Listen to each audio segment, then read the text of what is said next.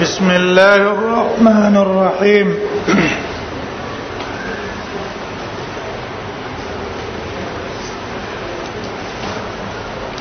وفاته دا مصنف رحم الله امام ترمذی احوال من بیانول وفاته نو مصنف رحم الله دا وفات شوه ده په بوغ علاقه کې دا چې کم کله او بوغ بوغي چې تویل په هغه کې وفات شوه ده د پیر پشپا په دیار لسم د رجب رجب دیار لسم شپوا د پیر شپوا سنه 79 و 200 دو سوا ونوي کې دو سوا دو سوا نه اویا کې ونوي نه نه اویا 79 و 200 دوسوا نه او یا هجری کې دا وفات شوه د په بوخ کې او دیار لسم د رجب ليله الاثنين پس دا مهنت نا په تصنیف او په دعوت او په بیان او په نشر کې او وقت خپل مرګ نه رستو خلفا د ډیر علم پر خیده رستو خلکو ته رستو خلکو ته څوکړه ډیر علم پر خیده او د دې ترمذی او د کتابونو خلق استفاده کوي دویم بحث ته متعلق د سنن ترمذی د امام ترمذی د کتاب نوم څه ده نهج او طریقې څه ده او خصائص د کتاب څه دي په کتب ستو کې دا خبره تاسو ته معلومه ده چې سنن ترمذی احد الكتب السته دا یو کتاب دی په کتب سته کې چې امت قبول کړی دی او احد کتب السنن الاربعه او سنن اربعه کې ته یو کتاب دی د سنن اربعه نه سنن اربعه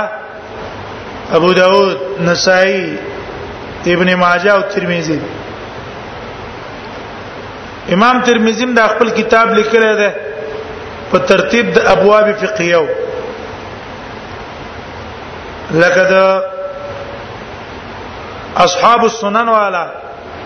دا غي طریقو نه حج داو چې هغه خپل کتابونه لیکلي په ترتیب د ابواب فقهیو او اکثر اکتفا کړی دا احادیث مرفوعه او پرون منګه په ابو داود کې تشریح وکړه لفظ د سنن چې سنن دی کوم کتاب ته وای په اصطلاح د علماو کې نو سنن هغه کتاب ته وای چې هغه کې اکتفا شوی په حدیث مرفوعه آثار پکې نه دویم ترتیب به ول ورکړي ابواب فقهیه او ترتیب به سي ابواب فقهیه وي احادیث مرفوع وي پکې موقوف به پکې نه او ترتیب به په ابواب فقهیه وي به په ترمذی کې دا اغلبي دی اغلبي کنه امام ترمذی رحم الله کتاب په موقوفاتو په مقطوعاتو ډک دی دا په کتاب کې موقوفات موقوف روایتونه هم شته دا د روایتونو کې مقطوعات هم شته تر دې چې امام ترمذی په خپل کتاب کې التزام کړی دی په ذکر د عمل د صحابه او د تابعینو وغيرهم يروا عليه العمل عند اکثر علم من اصحاب النبي صلی الله علیه وسلم والتابعین وګوره دا عمل د صحابه او تابعینو ذکر کړي د دې غرض د پاره چې کینه دا حدیث صحیح ده او یا دا حدیث حسن دی حسن ولی دا عمل د صحابه دلالت کوي په حسن د دې حدیث کدا حدیث حسن نه وي د صحابه او تابعین به د دې مقتضا مطابق عمل نه کوله دیو جن امام ترمذی اپ سنن ترمذی کی اکثر تعبیر د څه کوي وعليه العمل عند العلماء یا عند بعضهم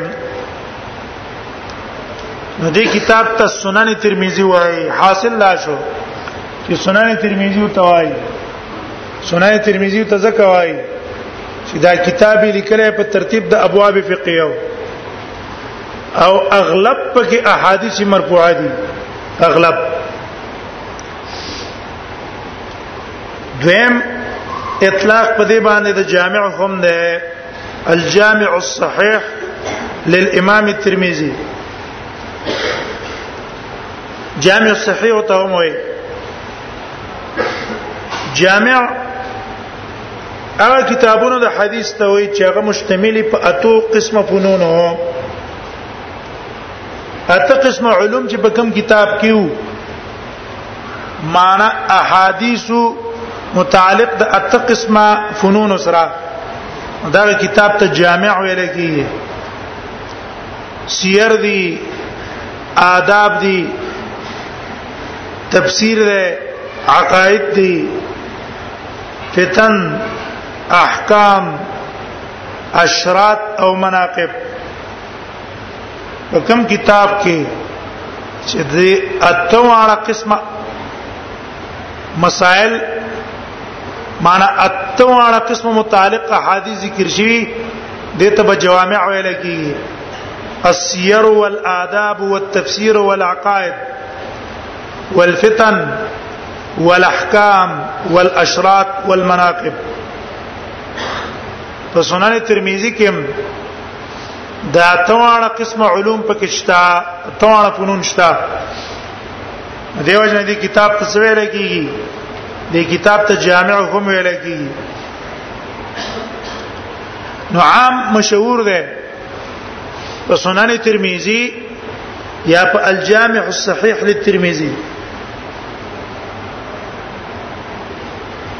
لیکن خپل نوم د دې کتاب څه دی خپل نوم پرون موږ سنن ابي داود کې ویاله چې د دې کتاب نوم د سنن ابي داود مشهورم پدې ده او مصنف ول خپل د انوم می خیر ده د رساله کې مکه والا طریقې دي کین فانکم سالتم عن السنن آیا د ترمذی خپل نوم څه ده دا اطلاق د سنن او اطلاق د جامع خو په علماو کړه خو خپل نوم یې سره عبد الفتاح ابو غده هغه یو رساله لیکل ده یو رساله دا رساله نوم ده تحقیق اسم الصحیحین هو اسم جامع الترمذی تحقیق اسم الصحيحين واسم جامع الترمذي هغه رساله کې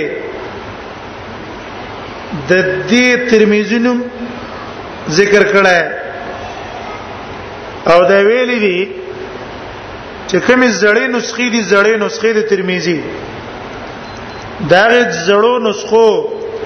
د ترمذی په سر باندې دا نوم لیکل شوی دی نوم یې ده کتاب السنن عن رسول الله صلى الله عليه وسلم كتاب السنن عن رسول الله صلى الله عليه وسلم ومعرفة الصحيح والمعلول وما عليه العمل كتاب السنن عن رسول الله صلى الله عليه وسلم ومعرفه الصحيح والمعلول وما عليه العمل دینم ده کتاب السنن عن رسول الله صلى الله عليه وسلم ومعرفه الصحيح والمعلول د صحیح حدیث او د ضعیف حدیث په جندل وما عليه العمل او هغه حدیث چې پاغه باندې صحابه او تابعین په عمل کړی دی نو چې دا نوم د کتاب شو نو په دې نوم کې اصل کې مصنف رحم الله تعبیر کړی دی د ټول کتاب نه تعبیر کړی د خپل کتاب نه چې رزما په کتاب کې بسې سیدیس زویب حدیث او هغه حدیث چې معمول به هادي صحابه او تابعین په عمل کړه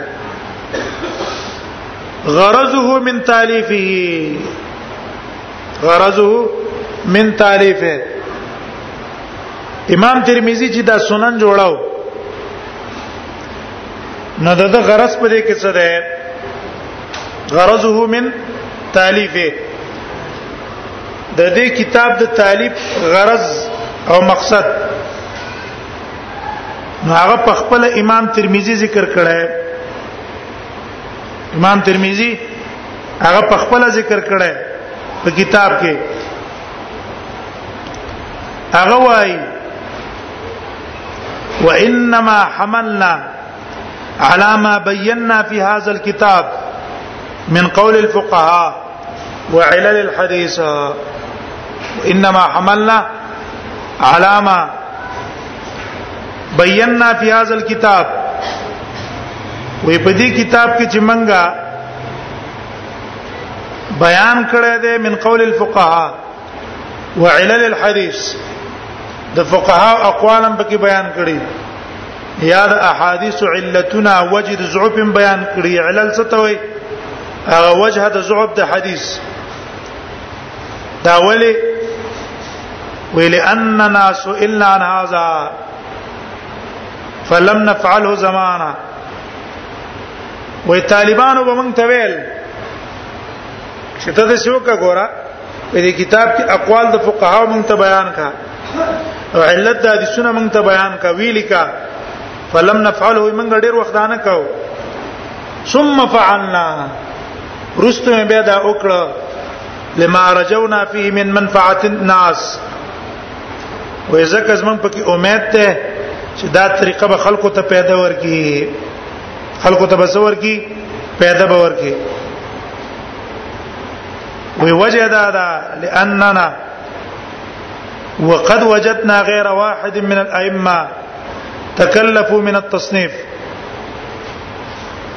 وې ځکه ډیر امامانو هغه تصنیفونه کړی دي ما لم يسبقوا اليهم چې دغه تصنیف چا سره کړی نه ده دغه تصنیف چا کړی نه ده منهم هشام ابن حسان هشام ابن حسان هم تصنیف کړی عبد الملک ابن عبد العزيز ابن جريج هم کړه سعيد ابن ابي عروبه مالک ابن انس حماد ابن سلمة عبد الله ابن المبارك يحيى ابن ابي زكريا ابن ابي زائده وكيع بن الجراح عبد الرحمن ابن مهدي وغيرهم من اهل العلم والفضل ويصنفوا اغیم دا تصنیفونه کړیو او فجعل الله فی ذلک منفعه کثیره وې الله پاره کې ډېره منفعت ته خلکو لپاره وګرځاو فنرجو لهم بذلک الثواب الجزيل عند الله وې زمنګ په امید ته چې الله به دې په دې کتابونو باندې اجر ورکړي لما نفع الله به المسلمين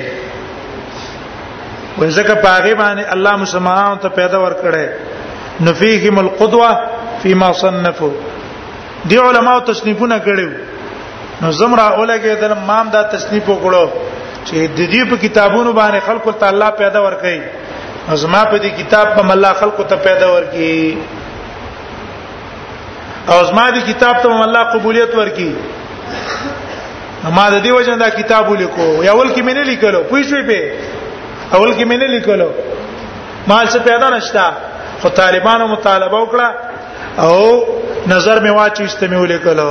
نو باعث د طالب څه ده طلب الطلبه طالبانو ته طلب کړی دی اوس په پیښوي شاګردانو ته مطالبه کړی دا چې دا ولیکا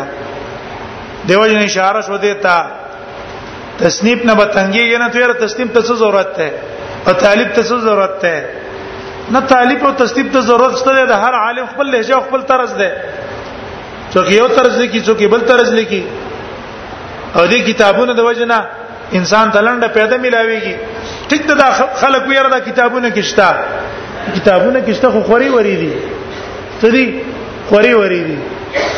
او استاد چې درس کوي شاګرد ته خدا خوري وري خبري یو ځای خبره بل ځای خبره استاد په سوچ او فکر باندې ول ترتیب ورکی سوچ او فکر او سمجھ باندې ترتیب ول ورکی صحیح صحیح ځای باندې ولګي شاګرد په آسان اور غورځي چې شاګرد ځان څخه ضبط کړه او شاګرد لار آسان کړه دغه سي تصنیف او تعلیب هم ده تصنیف او تعلیب پورې با سړی سستی باندې کوي مړ تصنیف ته ضرورت ته تعلیب ته ضرورت ته او کتابونه پورې سره خان دي مړه دې ته ضرورت ده نه دغه منفعت شته د منفعت نه خالی نه دي دا باعث او غرض د تعلیم به مصنف رحم الله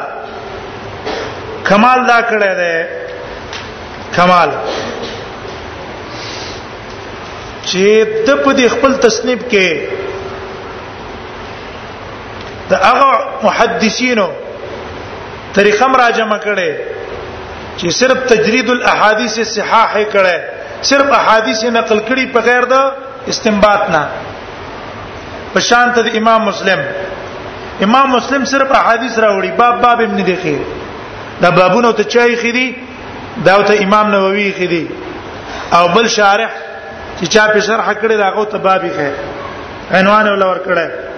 کنه دې امام مسلم په کتاب کې بابونه بابونه نشته دی بس حدیثونه دي جمع صحیح کړه مجرده همدارنګه بعضی محدثین دي چې دي چې احادیث راوړي دي استنباط د احکام ته کړه په شان ته د بخاری او د امام ابو داود شان ته د امام بخاری او د امام ابو داود امام بخاری بابی خیر په دې باب کې استنباط کوي د مسلې د حدیث نه دا باب اصل کې عنوان د مسلې کنا به ولاغه دلیل ذکر کوي استنباط دا غي نه او دا طریقه د امام ابو داود هم ده امام ترمذی دوه کار کړي چې کړي دوه کار کړي دا وړي او د دین زیادت دا کړه چې د ائمه مذاهب د علماو نه ذکر کړي مذاهب دا علما نه دي ذکر کړي پس حدیث راوړی دی مسله تستره ده نور مذاهب نه چیړلې دي نه بیان کړی دي مصنف را لګیدل دی مذاهب ائمه العلماء د احادیث د مسلې متعلق چې کوم مذهبونه دي علماو هغه هم ذکر کړی دي او تکلم علی الحديث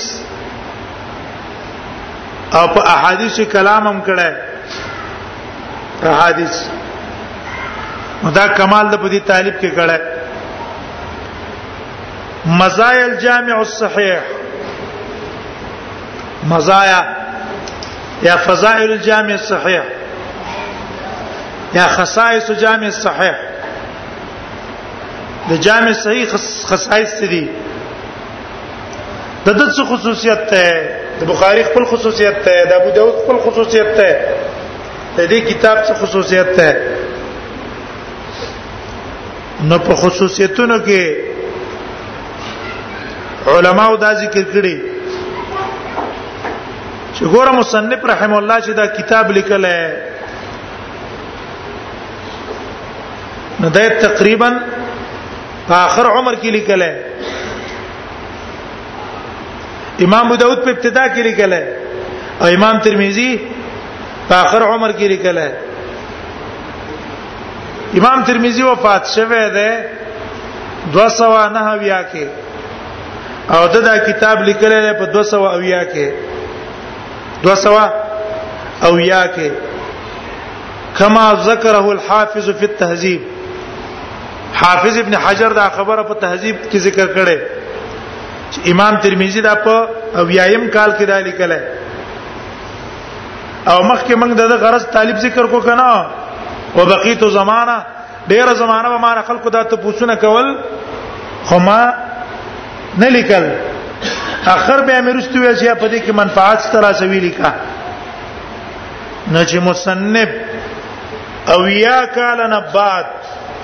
سفرونه کړی دي علمونه کړی دي درس او تدریس هم کړی دی مذاکریم کړی دي او دا غینه بعد دا کتاب لیکل دی دا دلیل په دې خبره باندې چې دا په دې کتاب کې ډېر کمالات او منفعت فواید د په دې کتاب کې راجمه کړی دي ډېر راجمه کړی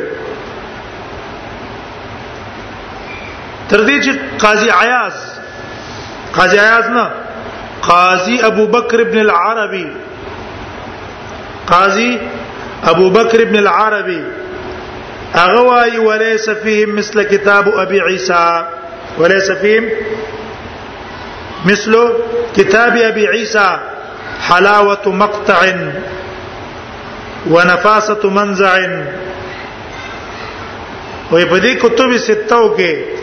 چې د امام ترمذی کوم کتاب ده نو په دې کې چې کوم خوند ده خوند حلاوه مقطع ونفاسه منزع او عذوبه مشرع د دین چې کوم مسلې راو باسي اخست کې د دې خوان کې څوک نه رسیږي وفي 14 علما وفي 14 علما وي په دې کې د کتاب کې تقریبا 14 قسمه علوم راجم دي امام ترمذی په دې کتاب کې 14 قسمه علوم راجم کړي علما فرائض صنف صنف معنا څه ده معنا بوبا یو خداري مسلې د پاره باب کې خې ده ووضع عناوین للابواب او د هر باب د پاره عنوان یې خې ده مستنبطه من معاني الاحاديث او د حدیث د معنا نه اصل کې د باب مستنبط کړي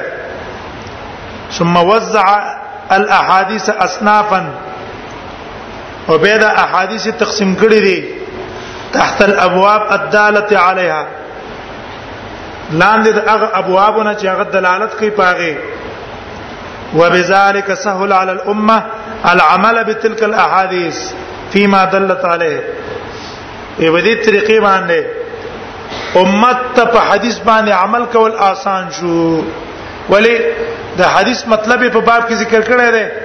نو آسان لهجه نو دیو جن عمل کوله مت آسان شو او ذالک اقرب الى العمل وذالک اقرب الى العمل دا طریقه عمل ته ډیر آسان دی چې حدیث باندې ته باب کې دی په آسانه طریقه او په هغه کې د حدیث مطلب او مقصد معلوم کی بیا وی واسندا حدیث سند هم ذکر کړه وصحح واسقم بل کمال ادا کړه یا حدیث باندې حکم د صحیح کړه ده هاذا حدیث صحیح یا په حکم د ضعف کړه ده چې هاذا حدیث ضعیف نور محدثین دا کار نه کوي تاسو کوي امام ترمذی کوي وعدد الطرق وعددت طرق او بل امام ترمذی کتاب کې دا کړی چې حدیث په مختلفو طریقو را نقل شوی امام ترمذی مغه حدیث په مختلفو طریقو څخه کړی را نقل کړی بل جرح امام ترمذی را لګیدل په دې کتاب کې یو راوی ضعیف ته پاره کلام کړی لیسه بذاک القوی او ضعیف عند اهل الحديث دا د محدثینو په نس ضعیف ده دا قوی نه ده دارنګ تعدیل کړي تعدیل چیرې دا پلان کې راوي ثقه ده پلان کې پلان کې ته ثقه ویلې دا کار کړي واسما واکنا بل پیدا وې دا دا اسماء او اکنا یو مصنف مشهور دی په کونیا نو دیر علاوه په قال ابو عیسی کې څه کوي اداغه نوم ذکر کوي چې کونیه خدا ده خو نوم یې وردا ده یا یو راوی مشهور دی په نوم کونیه مشهور نه ده نو مصنف را لګي دا کونیم ذکر کی چې دا تداوی لګي او فلان ده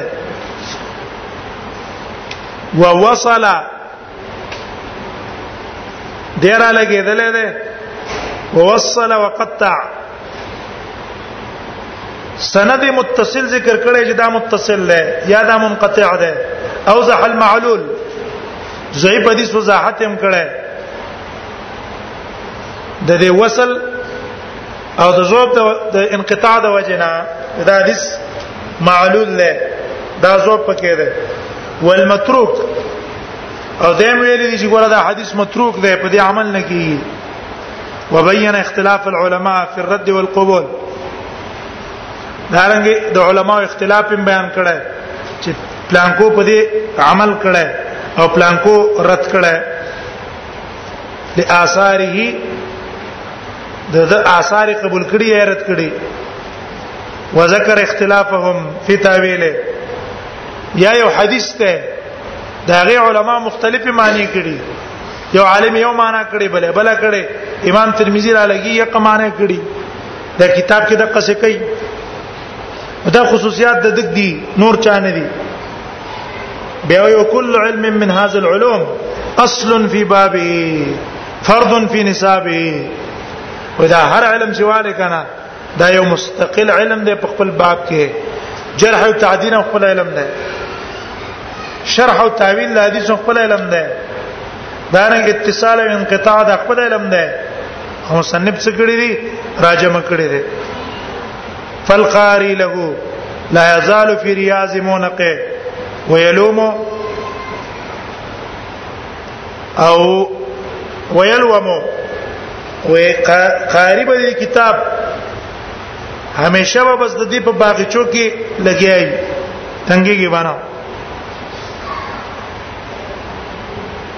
قاضي قاضي ابو بکر پسې رستو ابن رشید را لګیدل دی امام ابن رشید هغه دی امام ابو بکر ابن العربي چې کم فضائل او خصائص د ترمذی بیان کړو وې دا څوار لس بده کې تداخل له بعض او فی بعض مع انه لم يستوفي تعديدا پورا خصائص د ترمذی نه دي بیان کړی پورا نه دي بیان کړی به وی ولو عدد ما في الكتاب من الفوائد بهذا الاعتبار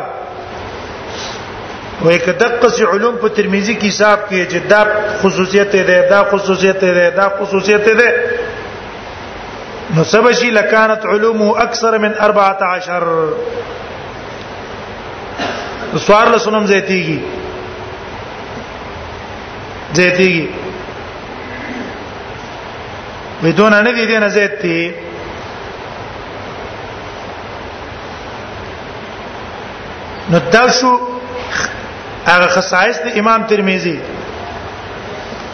چې د دې ترمذی په کتاب کې ډېر دنه کمالات دي کمالات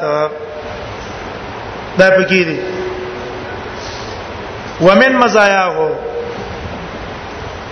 بل خصوصیت د ترمذی دا ده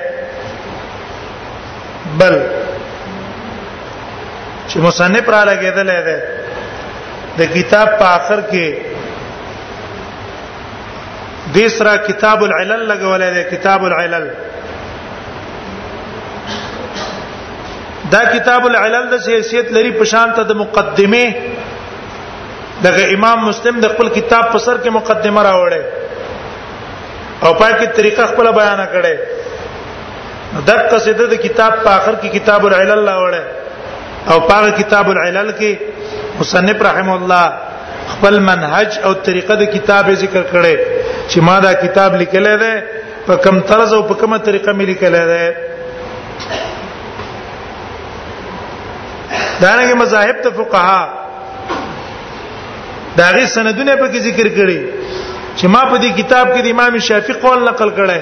دا په کم سند نقل کړي د امام مالک قول مې نقل کړي نو په کم سند مې نقل کړي امام ابو حنیفه مې نقل کړي په کوم سند مې نقل کړي اسانید ذکر کړی دی په نقل مذاهب الفقهاء دا نه په کتاب کې تفسیر کړی د بعضی مصطلحاتو امام بو امام ترمذی په خپل کتاب کې اکثر استعمالای حسن صحیح حسن غریب صحیح غریب حسن صحیح غریب اصطلاحات دي کنه اکثر کتاب کې استعمال ہے دا اصطلاحات وضاحت کړه دیو جنا ابن الاسیر صاحب ابن الاسیر هغه وای ابن الاسیر هغه وای په جامع الاصول کې وفي اخره كتاب العلل وفي اخره كتاب العلل وې د سنن ترمذی په اخر کې کتاب العلل له قد جمع فی فوائد حسنه قد جمع فی فوائد حسنه وې پاغه کې خسته فواید را جمع کړی دي ډېر فواید به کې را جمع کړی جمع فی فواید حسنه لا يخفى قدرها على من وقف عليها چې دا غي په کمالات باندې پويږي نو دا غي کمالات او قدر به داغه نه پټ نه پاتې کیږي نو یو کمال ادا کړی دی دغه کتاب نوم دی العلل الصغير د علما را لګیدلې دي هغه مستقل لا وړه او حافظ ابن رجب هغه باندې شرح کړي شرح دریم خصوصیت د ترمذی هغه دا ده انه جامع دام جامع ده جامع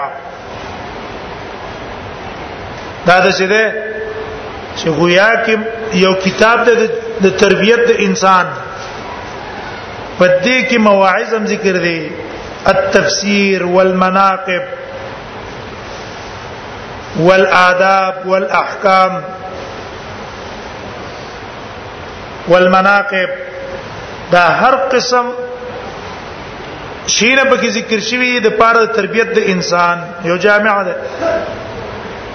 سلورم خصوصیت دا ده چې کلم مصنف رحم الله حدیث راوړي سند سند سره نو بیا په اخر کې پسې وي او فل باب ان فلان و فلان دا حدیث خو ما نقل کو خو د دې حدیث معنی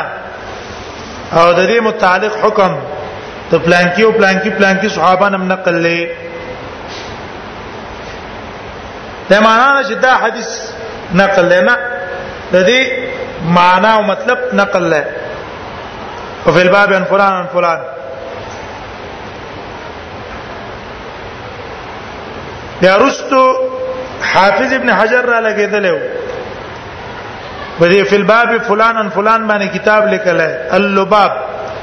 په تخریج قول الترمذی او فی الباب چې دا کوم حدیث ته اشاره کوي او چار اوړه واغه مفقود دی مفقود اوس نشتا دا نه ابن سید الناس هغه را لګیدل دی دا غشرع النفع الشذی النفع الشذی النفح الشذي على جامع الترمذي اغم دا کار کړه دا نه حافظ عراقي اغم دا احادیث راوړي دي او دا نه مبارک پوری صاحب تحفه الاحوزی کې ته اشاره کړې او بعض روایتونه دا غنه فوت شوی دي او اوس په مستقل کتابونه لیکل شوی لکه کشف النقاب اما قال الترمذي وفي الباب اوس یو بل کتاب راوتلی دی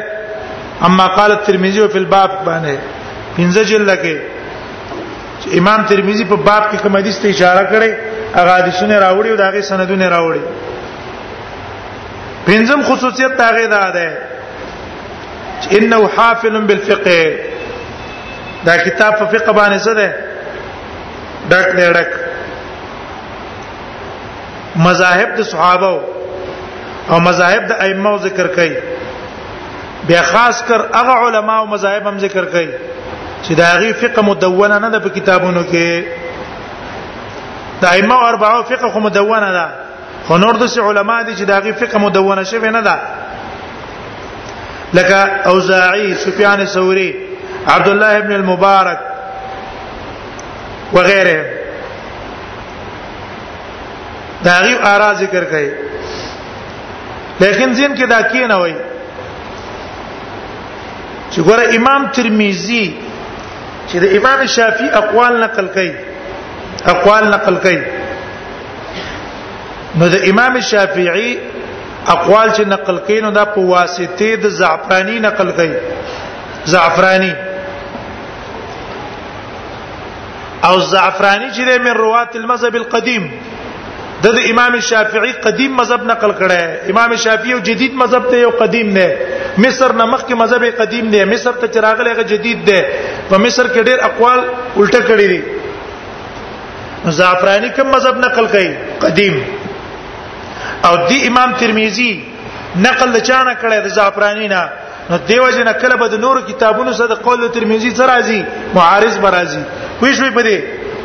تاسو به کله دا معارض راشي چې ګور امام شافعي خپل ته دسی وي او دلته امام ترمذی بل چان وي نو دلته امام ترمذی ویل دي چې ما د چا نقل کړي زعفرانی نه چې راوی د مذهب قدیمه نو دیو جنا د ترمذی په قول باندې ډېر اعتماد نه کیږي په مذهب د شافعي اوس به پیښ وای دا باندې کیږي دویم دویم دام واوري چې امام ترمذی اکثر عبارات چې دې لګي کنه لګي نو دا په طریقه د متقدمینو لیکلي متقدمینو متقدمینو طریقه دا وا چې هغه به حرام ته مکروه ویلو حرام ته هم څه ویلو مکروه به ویلو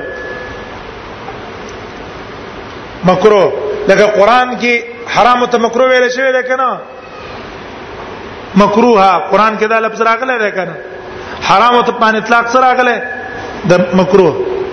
نو دیم د متقدمینو په طرز باندې حرام دی او اطلاق په کړی چې ويکره دا عمل مکروه دی نو دیو جنا د ترمذی قول ته مونږ نه ګورو چې الکه دا مکروه دی خلاف اولاد نه کله کله د حرام ته اطلاق به د مکروه کوي نو دیو جن د په قول باندې با په فقہ کې ډېر اعتماد نه کوي ځکه د دې طریقه د متقدمینو په شان ده د بل خصوصیت شو نور مذاهب ان شاء الله د بیان کو سبا لکم له نو ژوند ان شاء الله صلی الله علیه محمد و رسول